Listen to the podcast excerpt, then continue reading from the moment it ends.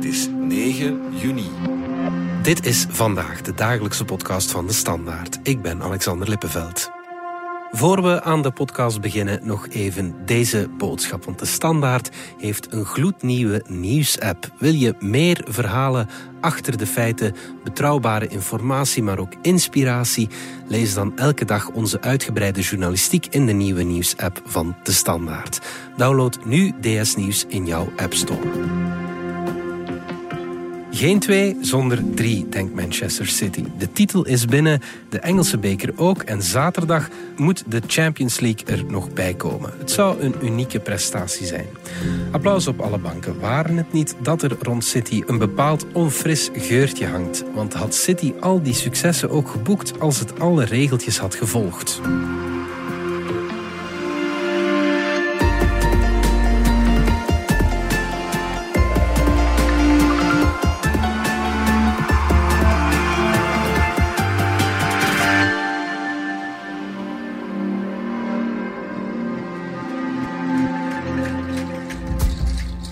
Nico van onze economie-redactie.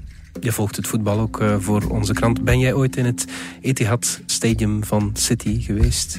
Uh, nee, zelf niet, moet ik uh, toegeven. Ik heb ze zelf nooit live zien spelen. Oké, goed. Maar nogal wat Belgische fans dragen City wel wat in het hart. Vincent Company is een held van, van de stad, of toch van het blauwe deel van de stad.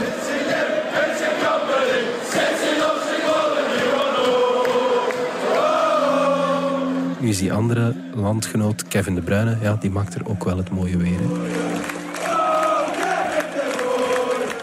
Mm -hmm, absoluut. Uh, um, ja, City is natuurlijk een, een hele aantrekkelijke ploeg om naar te kijken. Hè. En uh, dat heeft denk ik vooral te maken met de trainer, Guardiola.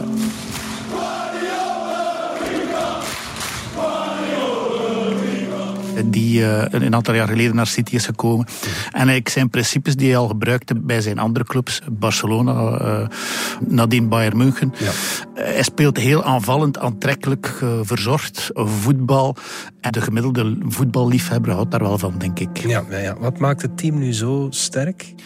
Wel, het zijn die principes die Guardiola eigenlijk voor een deel geleerd heeft van Johan Cruijff. Ik vind als je, als je voetbalt en jij hebt de bal kunnen tekenen, dan een goal maken. Kijk, elk voordeel heeft een nadeel. Er is maar één moment dat je op tijd kan komen. Als je er niet bent, dan ben je of te vroeg of te laat. Typisch voor de ploegen van Guardiola is dat ze proberen altijd verzorgd technisch voetbal te spelen. Dat ze de ruimtes daarbij bewust klein maken. Zodanig dat als er iemand de bal verliest, dat er altijd heel veel spelers rondom die bal staan. Waardoor dat de bal heel snel kan terug heroverd worden. Ja. Een van de principes van Guardiola is om dat te proberen te doen binnen de vier seconden na balverlies. Ja, okay, ja. Hij speelt ook altijd hoog. Wat ze ook proberen te doen is eigenlijk altijd driehoekjes maken op het terrein. Dat was mhm. ook een van de typische principes van Johan Cruijff. Je moet eigenlijk altijd zo, zo staan dat je verschillende afspeelmogelijkheden hebt. Zowel in de breedte als in de diepte. Om de bal te krijgen moet je gewoon twee meter naar links of twee meter naar rechts of twee meter hoger of twee meter lager gaan staan. Ja. Eh, waardoor dat je eigenlijk eh, krachten spaart en als je aan de bal komt veel frisser bent dan, dan natuurlijk in een ploeg die heel lang uitgerokken staat en waar dat je enorme afstanden moet gaan, uh, gaan ja, Ja, Oké. En dan hebben ze natuurlijk ook nog eens een spits die altijd de goal vindt. Hè. On he goes to De Bruyne. City have men over here. De Bruyne, Haaland, 3-0. Kevin De Bruyne assist. Erling Haaland goal. It's becoming a cliché, but it's a cliché I do not mind repeating Erling uh, Haaland. Ja, absoluut. Dat was uiteindelijk wat dat lange tijd ontbrak in het systeem van Pep Guardiola.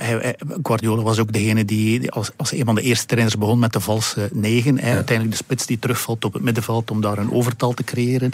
Eh, waardoor dat je vaak, als de aanval helemaal afgerond werd, dat je een spits voor doel miste. Eh, mhm. die, die, die voorzet die dan uiteindelijk altijd wel kwam, uh, kon binnenkopen. En met Haaland heb je dat ook natuurlijk. En dan kunnen ze natuurlijk met het duo De Bruyne, Haaland...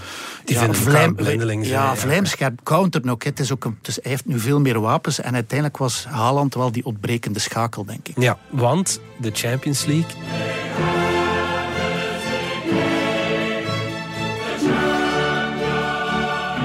Ze kunnen die nu dit weekend binnenhalen. Dat was lange tijd ja, is nog altijd het grote manco op het palmares van uh, City. Hè? Absoluut. En, en voor veel, laten we zeggen, neutrale supporters was dat een beetje ondersteunde dat het geloof dat je eigenlijk succes in voetbal niet kunt kopen. Want zelfs het grote Manchester City met al die oliedollars waar we later gaan op terugkomen, mhm.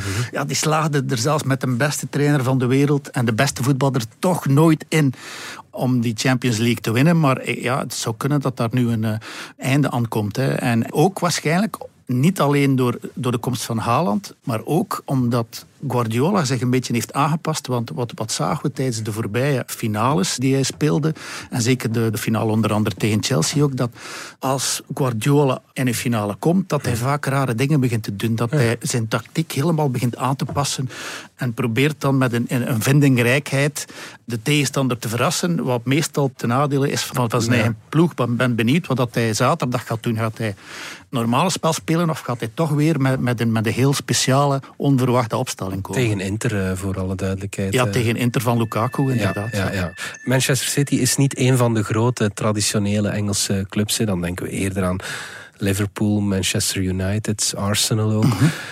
Maar een goede 15 jaar geleden is daar een kentering ingekomen. En die kentering die kwam gewoon recht uit het Midden-Oosten. Mogen we dat zeggen? Ja, inderdaad. Het is, het is pas toen dat eh, Sheikh Mansour uit Abu Dhabi de club overnam dat plotseling alles is gekeerd. Want je moet het eigenlijk een beetje zien zoals Club Brugge en Cercle Brugge. Zo, zo was het. Hè. Ik bedoel, twee ploegen in één stad. Mhm. De ene die bijna systematisch elk jaar kampioen speelde en Europese successen verhaarde. Dat, was, dan Manchester dat was dan Manchester United. Van Alex Ferguson. Van Alex Ferguson, inderdaad. En de andere, ja, Manchester City, die bijna altijd tegen de degradatie vocht. Soms ook eens zakte, dan weer steeg.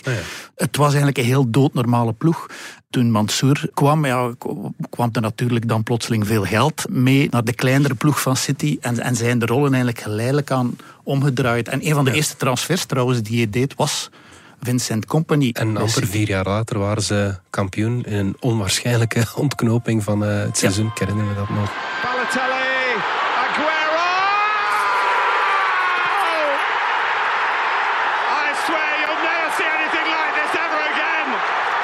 Het leek op uh, ons, seizoen van, ons einde seizoen van dit jaar. Alderweireld trapt. Hij scoort! Oh, scoort! Oh la la! Wat een trap! Uitgerekend Toby Alderweireld! Het kan toch niet mooier geschreven worden? Wat heeft Abu Dhabi, want het geld komt van die Sheikh Mansour uit Abu Dhabi, wat hebben die nu eigenlijk in, in Manchester te zoeken? Waarom zijn ze daar nu in geïnteresseerd in zo'n zo'n club? Dat is natuurlijk een goede vraag. Je, je kan niet in het hoofd van die sheik gaan kijken, maar uh, je kan wel een algemene trend beschrijven die toch al zo'n 15 à 20 jaar aan de hang is. En dat is denk ik twee redenen. Aan de ene kant prestige. Uh, op een bepaald moment zijn heel wat superrijke mensen clubs in het Engelse voetbal gaan opkopen. Eh, Abramovic natuurlijk met Abramovic, ja, de oligarchen. Dus op een bepaald moment was er zelfs een Chinese golf. Eigenlijk de hele wereld wou investeren in dat Engelse voetbal, omdat dat was een soort prestigeproject waarmee dat ze elkaar willen aftroeven. Als, net zoals dat, je, dat de ene oligarch een, nog groter jacht wil hebben dan een andere, wilde iedereen ja, de beste voetbalclub om daarmee uh, te gaan concurreren. Mhm. dat, is, dat is zeker één aspect uh, van de zaak. Het andere aspect, denk ik, is wat dat men noemt uh, sportswashing eigenlijk. Dat komt erop neer dat je een aantal landen had in het Midden-Oosten die via investeringen in de sport zich een beter en meer aanvaardbaar imago wilden aanmeten in het Westen. Ja. Uh, zoals dat bij het WK vorig jaar ook. Uh, zoals dat bij het WK Qatar, ja, ja. Ook, ook gebeurd is. Zoals dat bijvoorbeeld met PSG is gebeurd. Mm -hmm. waar de Qatari dan zijn in, in, ingestapt. Dus daar hangt een soort mengsel van aan de ene kant prestige, geopolitiek en, en invloed. Ik denk dat dat de drie factoren zijn die, die, die ervoor zorgen dat er een soort stormloop is gebeurd op het Europese voetbal. En dan vooral het Engelse voetbal, omdat dat uiteindelijk de markt was waar de voetbalrechten het makkelijkst ook konden verkocht worden. Dat oh was eigenlijk, dat, dat, dat, dat zie je ook wel de neutrale voetballiefhebber is eigenlijk het meest geïnteresseerd in de Premier League. Maar aan dat buitenlands geld, daar hangt wel uh, een reukje. Dat heb jij samen met je Europese collega's zeg maar, vastgelegd of vastgesteld in uh, voetballeaks. Een onderzoek van een paar jaar geleden. Leg nog eens uit wat dat juist uh, was. Ja, dat was inderdaad een onderzoek op basis van wat toen het grootste datalek ooit was. Mm Dat waren miljoenen en miljoenen documenten die in handen kwamen van de Spiegel. Veel te veel om alleen door hun journalisten doorzocht te worden. Mm Daarom hebben ze contact gezocht met 15 media elders in Europa om het werk te verdelen. En dan samen hebben we eigenlijk eh, een kijkje kunnen nemen in, ja, in de achterkamers, in, de, in de directiekamers van de grote clubs. Mhm. Hoe ziet hun financiën eruit? Op welke basis doen ze transfers? Hoe doen ze die transfers? Van waar komt het geld eigenlijk? En daar hebben we dan uiteindelijk samen een, een, een groot stuk kunnen van blootleggen. Wat was de rol of het belang van Manchester City in dat onderzoek? Wel, het, het belang daar was dat je eigenlijk eh, zag dat Manchester City toen de financial fair play regels aan zijn laars lapte. Mhm. En ze deden dat eigenlijk vooral door ja, sponsorcontracten, door daarmee te gaan sjoemelen. Want mhm. wat wat misschien eerst even die financial fair play regels uitleggen natuurlijk. Wat financial fair play zorgt er eigenlijk voor dat je eigenlijk alleen de groei van een bepaalde voetbalclub kunt financieren met inkomsten uit sportieve middelen. Niet uit inkomsten die eigenlijk puur komen van een, van een rijke investeerder, genre een sheik, een oligarch of een rijke suikeroom die zegt van ja oké, jullie maken 50 miljoen euro verlies, maar ik leg er 100 miljoen bij en jullie kunnen weer verder. Dus je moet het met prijzengeld bijvoorbeeld doen ja. Ook tv-geld? Ah ja, eh, alles. Ja, dus alle inkomsten die direct gelinkt zijn aan het sportieve, dat is inderdaad dat zowel tickets, catering, inkomsten uit tv-contracten, uh, inkomsten uit transfers ook. Al die inkomsten mogen gebruikt worden om, om verder in de club te investeren. Maar het mag niet zo zijn dat er gewoon één rijke investeerder komt en daar een zak geld op tafel legt en zegt van oké, ik ga je proberen een titel te kopen. Dat, dat was uiteindelijk de oorspronkelijke doelstelling van die financial fair play. Maar City lag daar dus niet van wakker? Nee, nee, inderdaad. Ze hebben die eigenlijk al zo'n 13 jaar lang aan een laars gelapt. Uh, want de eerste onderzoeken dateren al van zo lang geleden. Ze zijn verschillende keren eigenlijk ook betrapt op het omzeilen van de financial fair play regels. De eerste keer hebben ze zich nog kunnen vanafmaken met een heel lichte boete. Onder meer dankzij de tussenkomst van Infantino. De uh, FIFA-voorzitter. De, de, huidige FIFA-voorzitter, die op dat moment een hoge functie had bij de UEFA. Die is persoonlijk tussengekomen, zowel in het dossier PSG als in het dossier van Manchester City. En dat is een van de dingen die we toen in dat onderzoek hebben blootgelegd. En mm. het, een ander ding was namelijk dat er ook heel veel ja, kunstmatig opgeblazen sponsordeals werden afgesloten. Bijvoorbeeld bij Manchester City was dat dan een superduur contract die gesloten werd met Etihad. Dat was de vliegtuigmaatschappij van Abu Dhabi. Die was ook mede-eigendom van Sheikh Mansour. Mhm. En uiteindelijk via een bepaalde constructie eh, zag je eigenlijk dat Mansour geld gaf aan Etihad. En waar Etihad dan dat geld gaf aan Manchester City. En dat werd dan gedaan alsof dat een gewoon sponsorcontract was. Dus ja, er waren er allerlei mogelijkheden en, en, en tactieken bedacht om, om toch te kunnen zoveel mogelijk geld in die ploeg te kunnen pompen ja, langs, langs allerlei achterpoortjes. Het leidde bijna tot een Europese uitsluiting van de ploeg, hè? maar dat is niet gebeurd. Nee, inderdaad. Er hing een schorsing boven het hoofd van Manchester City van twee jaar zonder Europees uh, voetbal. Maar ja, naar aanleiding trouwens van een onderzoek geleid toen door Yves Leterme. Okay. Uh, Manchester City is daar onderuit gekomen door eigenlijk naar het TAS te stappen. Dat is eigenlijk het, ja, hoe zou ik het, hoe zou ik het? Het sporttribunaal in Zwitserland. Mm -hmm. Dat in dat soort zaken uh, uiteindelijk moet beslissen of de boetes of de schorsingen uiteindelijk uitgevoerd moeten worden.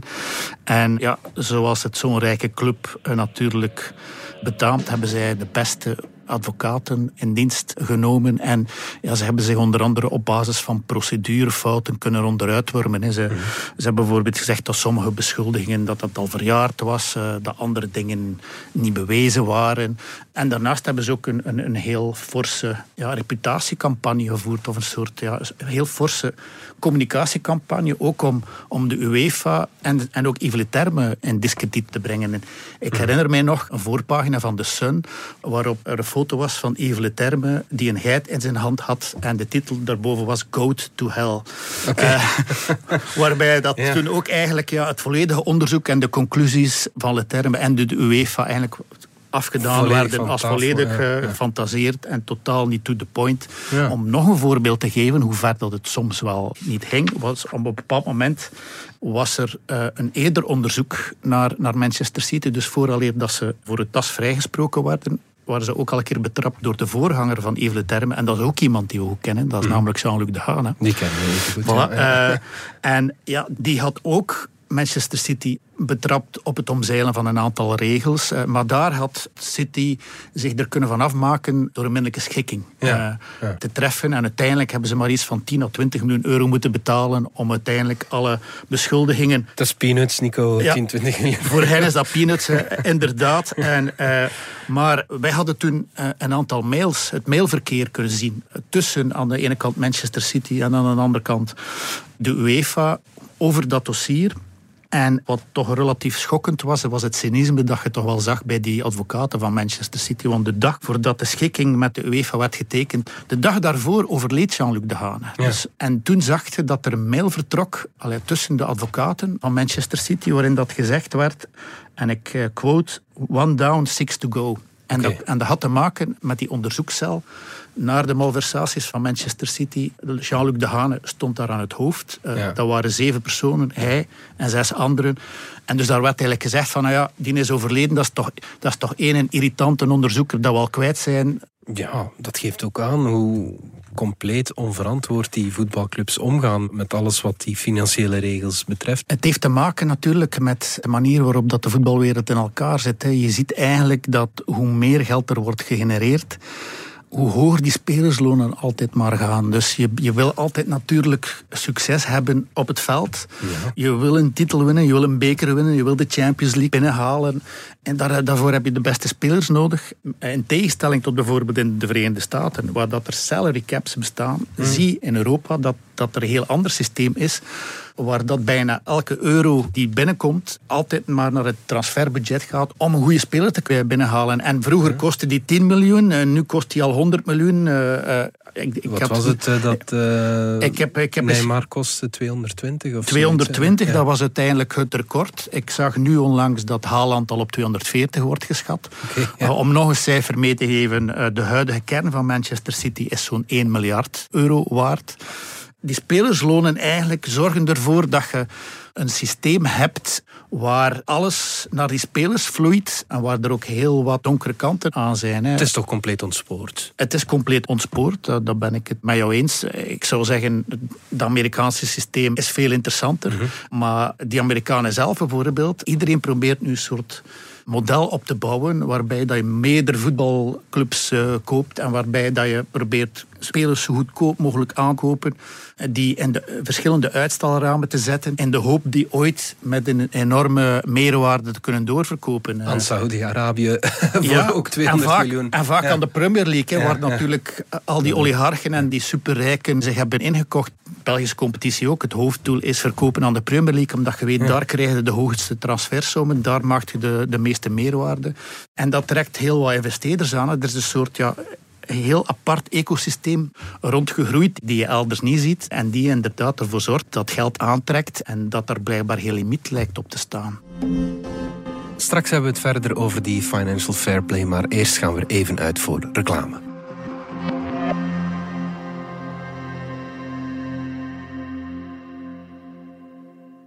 Ah, terrasjes weer. Dat is een podcast in mijn oren, een super achterhoes in mijn hand. Ja, en waarschijnlijk met een decolleté weer goed verbrand. Super 8. Lekker onverwacht.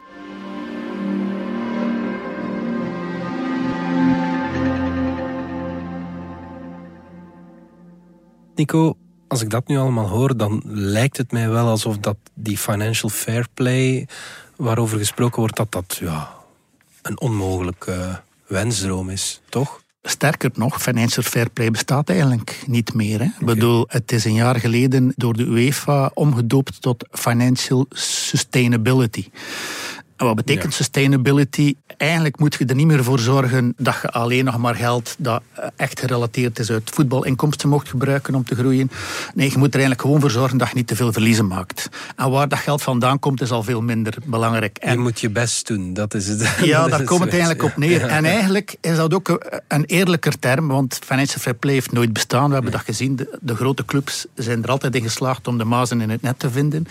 En ik herinner mij nog toen dat ik in het dat ik keek naar verslagen van de raden van bestuur van de UEFA. En toen werd al vijf, zes jaar geleden daar ook in gezegd van ja, moeten we eigenlijk niet wat eerlijker zijn en anders gaan communiceren, want die financial fair play, ja, we kunnen wij dat toch niet hard maken. Mhm. Zouden we dat geen financial sustainability noemen? Dan gaat het verwachtingspatroon bij de buitenwereld al een stukje lager zijn. En inderdaad, vorig jaar hebben ze dat inderdaad gedaan. En die financial fair play regels zijn zodanig versoepeld ja, dat bijvoorbeeld een gulle suikeroom zoals in België, om even dichter bij huis te kijken, mm. Paul Gijsens, ja. Antwerp kampioen heeft gemaakt door, er, door er 117 miljoen van, van zijn eigen centen in te steken. En terwijl dat bijvoorbeeld Bart Vragen er bijna geen enkele van, van zijn eigen centen heeft, Brugge, van Club Brugge, er bijna geen enkele cent heeft ingestoken. Dus dat zijn twee totaal verschillende modellen. En natuurlijk, als er dan zo'n grote spelers in uw competitie komen met zo'n diepe zakken, het blijft heel moeilijk om daar zeker op lange termijn tegen te concurreren. Hè. Je ziet het nu ook weer in de Premier League met de Saudis die Newcastle hebben uh, opgekocht hè, van een degradatiekandidaat met meteen naar top 3 of top 4. Mm. Ja, je, je kan succes toch wel kopen in het voetbal. Mm. al, al blijft natuurlijk die, die heilige graal van de Champions League wel heel erg moeilijk. Hè. dus zelfs Manchester City heeft dat nog niet gekund. Misschien nu zaterdag wel. Maar dus ja, je kan toch wel, denk ik, de grote zak geld tot op zekere hoogte succes kopen. En men is ervan afgestapt in het Europese voetbal om dat eigenlijk te blijven ontkennen. Die financial sustainability zegt het eigenlijk allemaal. Hè. Tot slot, Nico. Er is sowieso een nieuwe Belgische Champions League winnaar. Ofwel mhm. is het Romelu Lukaku ofwel Kevin De Bruyne. Voor wie ga je supporteren? Dat, is een moeilijke vraag natuurlijk. Eigenlijk zou ik willen zeggen voor Ajax, maar die spelen niet mee dit jaar in de, in de, Champions League finale. Dus als ik dan toch moet kiezen, ja, dan zou ik toch voor Kevin De Bruyne gaan, omdat die toch wel, denk ik, een, een waanzinnig seizoen aan het neerzetten is. En een geschiedenis zou kunnen schrijven. Want ik denk als hij de Champions League wint, dat hij misschien ook wel een kleine waterkans maakt op die gouden bal. En het zou toch mooi zijn mocht ooit een Belg die winnen. Ja, dan supporter ik voor Lukaku om het spannend te houden. Nico Tange, dankjewel. Graag gedaan. Dit was vandaag de dagelijkse podcast van de Standaard. Bedankt voor het luisteren. Volg ons op Spotify, Apple Podcast of eender welk ander podcastplatform. In onze gratis FDS podcast kan je niet alleen ons werk beluisteren, maar ook de beste podcasttips terugvinden. Alle credits van de podcast die je net hoorde vind je op standaard.be-podcast. Reageren kan via podcast.standaard.be.